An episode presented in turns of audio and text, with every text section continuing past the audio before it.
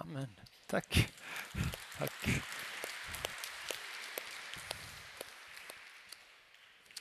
Det kan vara ganska lätt att känna sig pressad i livet. Funderar du mycket på livet? Det gör jag, tror jag. Funderar ibland på hur går det för mig egentligen? Och hur, hur kommer jag någon vart? Har jag åstadkommit någonting av, av, av värde i, i, i, egentligen? Jag har ju, har ju kommit ganska långt i livet tycker jag, så att jag, jag, jag borde verkligen vara en mogen och ansvarstagande människa. Eh, I början av året fick jag ett eh, intressant mejl från Bokus som passade in i detta tyckte jag. Det stod så här i rubrikraden. Gör ditt 2019 till ett effektivt år. Ja. Försvann Martin här någonstans. Jag var lite nyfiken på hur han skulle tycka att det var att få ett sånt mejl. Eh, och så började, ja, där ser jag det. Så började det så här. Eh, ett nytt år är här. Det är dags att sätta upp nya mål. Är det? tänkte jag. Jag satt i fåtöljen med, med iPaden där och, och tittade på mina mejl. Ja, men det, det kanske det är. Så läste jag. Vi har böckerna som får dig att må bättre, stressa mindre och finna lugn i vardagens bestyr. Det lät ju ganska bra. Visst gör det det? Eh, och den första boken då, som de starkt rekommenderade, den hette Få det gjort. Och den kunde nästan garantera att mitt liv skulle bli effektivare. Och jag tänkte på garageuppfarten att jag borde gå ut och skotta snö. Det skulle kanske gå av sig själv nästan om jag läste den här boken. Men, men sen så sjönk modet eh, därför att efter det så följde, följde det en lång lista av böcker som eh, tog sin utgångspunkt i den senaste psykologiska forskningen. Det handlade om, om bättre självkänsla, en bok. En bok om hur man blev lugn, en om hur man sov bättre, en om hur man fick mer handlingskraft och så vidare. Och när jag hade kommit så långt, då, ja, då kände jag mig ganska pressad. När jag tänkte på hur jag skulle hinna läsa alla de böcker som jag måste hinna läsa för att bli mindre stressad.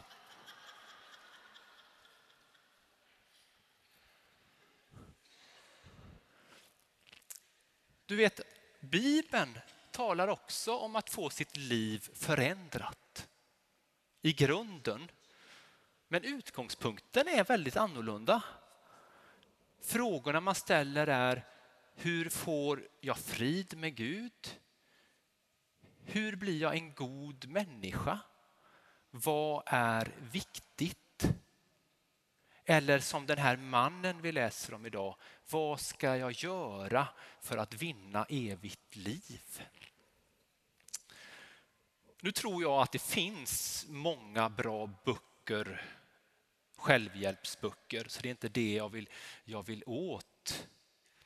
Eh, men jag tror att för att förändras i grunden och finna det verkliga livet så behöver vi gå till Bibeln. Så jag tänkte att vi skulle eh, minnas nu vad vi läste i evangelietexten. Var du med? Det kommer en ung man, förstår vi om vi också läser de andra evangelierna. Han har mycket pengar och han ställer den här frågan till, till Jesus. Och vad svarar Jesus? Jo, han säger så här ungefär. Håll tio Guds bud.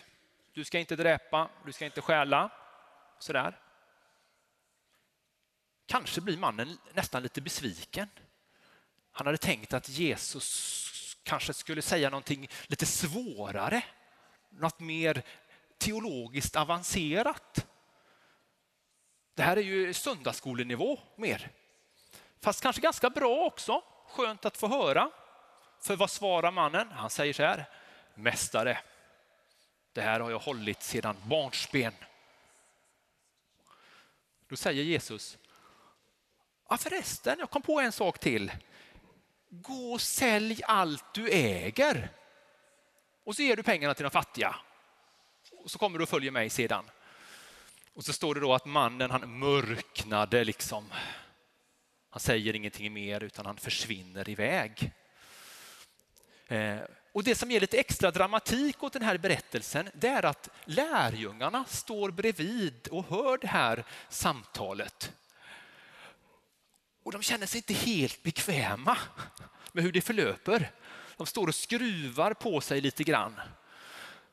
Och så vänder sig då Jesus mot sina lärjungar och så säger han så här lite tungt. Hur svårt är det inte för den som har pengar att komma in i Guds rike? Och Petrus han vet liksom inte riktigt vad han ska ta vägen. Han vänder in och ut på sig själv. Det känns inte alls bra att han köpte de här nya eh, eh, moderiktiga sandalerna i Jerusalems basar igår och han liksom försöker dölja dem lite så här bakom sina, sina kläder. Då fortsätter Jesus. Och så säger han, det är lättare för en kamel att komma in genom ett nålsöga än för en rik att komma in i Guds rike. Och lärjungarna blir helt skräckslagna. De nästan ropar samstämmigt. Vem kan då bli räddad? Då småler Jesus lite och så drar han ut på det. Han har liksom fått lärjungarna fram till den här avgrundens rand, precis där han, han vill ha dem. Och så säger han, det är omöjligt för människor, men inte för Gud. Ty för Gud är allting möjligt. Och så läser vi den här eh, då, eh, berättelsen så långt senare. Vi kan ju också fundera på vad, vad menar Jesus egentligen? Vad är det han vill ha sagt? Är det så att vi allihop borde sälja allt vi äger, lägga ut det på Blocket bara och sen skänka bort pengarna? Det verkar ju inte särskilt klokt. För om alla ska sälja sina grejer, vem ska då köpa dem? Och sen är det snart vinter. Det blir väldigt kallt utan några kläder. Det är inte konstruktivt. Men Jesus han säger en sak som är väldigt viktig och det är att kärleken till pengar är en um punkt för väldigt många människor. Och för den här mannen som han mötte så var det den ömmaste punkten. Det var det största hindret för honom att komma, att komma närmare Gud. Eh, Jesus han bekräftar människor, han uppmuntrar människor, han lyfter dem upp i sin barmhärtighet. Men vi ser också i evangelierna att, att han vägleder människor. Han tillrättavisar dem och förmanar dem. Och också det är en stor nåd. För vi behöver hans vägledning. Det är så lätt att komma vilse. Det är så lätt att bli snärjd av olika saker. Eh, min fru är också präst och hon har haft konfirmander i många år. Och jag tycker hon är ganska bra på, på att vara pedagogisk. Och när hon har talat om pengar så har hon sagt så här ibland till konfirmanderna. Tänk dig att du får 100 kronor. Vad vill du göra med dem?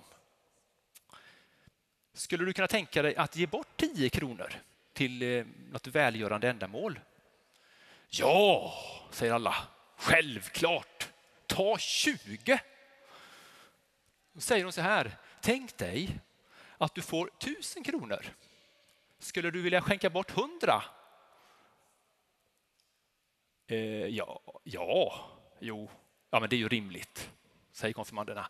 Tänk dig, säger hon, att du får eh, eh 10 000 kronor. Kan du tänka dig att skänka bort tusen? Ja, det är en bra fråga, säger de då. Eh, hur lång betänketid har man? Men man får ingen betänketid. Istället säger de så här. Du får en miljon kronor. Kan du tänka dig att skänka hundratusen? Nej, nu får vi ta det väldigt lugnt här, sakta i backarna. Det är det ingen som är med på. Rakt av. Det är ganska märkligt. Att man så lätt kan vara nöjd med 90 kronor men inte 900 000 eh, kronor.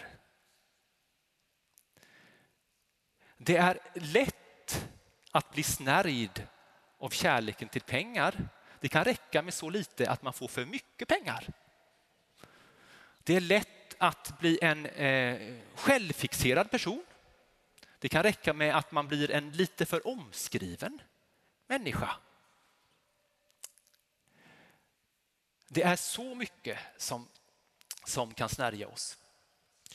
När jag gick på eh, min teologiska utbildning så eh, var det många som var av oss som var väldigt förtjusta i böcker. Man blir ju nästan det när man läser teologi. Man blir insnöad efter ett tag. Eh, och vi hade ett bibliotek och varje eh, år så gjorde man en utrensning i biblioteket och så sålde man ut de böckerna man inte tyckte man behövde ha kvar. Eh, och så fick studenterna köpa dem. Och de som hjälpte till i biblioteket de fick komma först en dag innan och köpa det de ville ha. Eh, och då satt jag och pratade med en studiekamrat en kväll och han var väldigt nöjd med sig själv för han sa så här. Jag känner en som jobbar i biblioteket. Jag har bett honom köpa de böcker som jag vill ha. Eh, och då sa jag till honom så här att ja, men det är ju inte rätt att göra så. Och då liksom mörknade han som den här mannen vi, vi, vi läser om var tyst en stund och sen så sa han Jag vet, men jag gör det ändå. Fast sen gick det någon dag och så kom han på andra tankar faktiskt. Så han gjorde faktiskt eh, aldrig det här. Eh, eh, och jag älskar det här exemplet. För jag själv framstår i så fin dager. Men det är inte det viktiga. Man kan, man kan tänka så här att ja, men det här var väl en struntsak. Det spelar väl ingen roll. Det är väl ingenting att hålla på att moralisera över. Eh, men små kompromisser kan bli stora. Eh, om man börjar att kompromissa med det man vet är rätt så kan man lätt bli en oärlig människa i, i slutändan. Eh, I mina tidiga prästår så fick jag ett brev en gång ifrån en ung man just. Han var 20 plus plus sådär, var student vid ett universitet. Eh, och han skrev till mig för han ville berätta att när han var med i ungdomsgruppen så hade han tagit pengar ur fikakassan. Och jag tänkte att det här har Gud förlåtit dig för ett antal år sedan. Men han ville ändå skriva och bekänna detta för det hade kommit upp för honom när han hade sökt Gud eh, och, bett Gud om att få växa i sin tro och komma vidare i sitt lärjungaskap. Eh, och så vill han en gång för alla lägga det här bakom sig. Eh, och jag skrev ett brev tillbaka att du är förlåten och, och, och tack för, för din, din, din bekännelse. Jag tycker det var ganska starkt att få det brevet.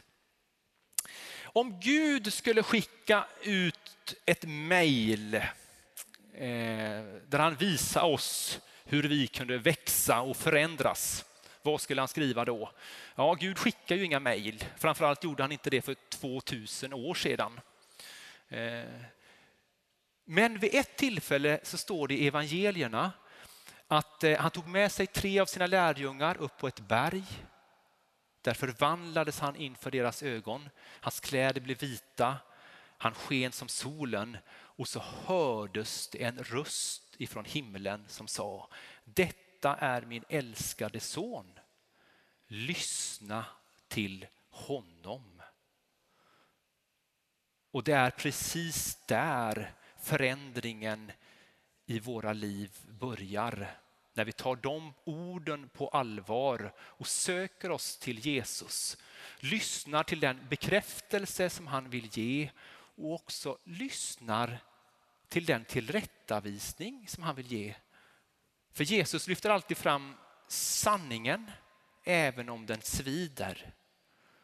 Och den kanske dåliga men framförallt goda nyheten det är att han vill tala med dig om det som är det största hindret för att komma vidare på din vandring med Gud. Eh, och Det kan vara någonting av det jag har nämnt, om pengar, om oärlighet. Det kan vara andra saker som laster, eh, missbruksproblematik, eh, som du håller på att fastna i. Det kan vara spelmissbruk, pornografi, Eh, andra saker som, som synder som binder dig. Där du behöver söka Gud, där du behöver kanske ta hjälp ifrån andra människor för att bryta eh, dåliga vanor. Det kan också handla om relationsproblem, trassliga relationer som inte bara beror på dig, men där du behöver ta ett större ansvar för att om möjligt försöka reda ut dem så, så långt, eh, långt det går. Eh, Jesus, eh, utan Jesus så går vi lätt vilse. Eh, evangelierna talar till och med om att det finns en reell risk att gå evigt förlorad. Men om vi håller oss nära Jesus som är ljuset, som är sanningen, då går vi aldrig vilse. Om vi tar emot hans uppmuntran och bekräftelse, om vi tar emot hans eh, vägledning, då har vi funnit svaret på den här mannens fråga hur vi vinner evigt liv. Då har också vi del av det eviga livet. Amen.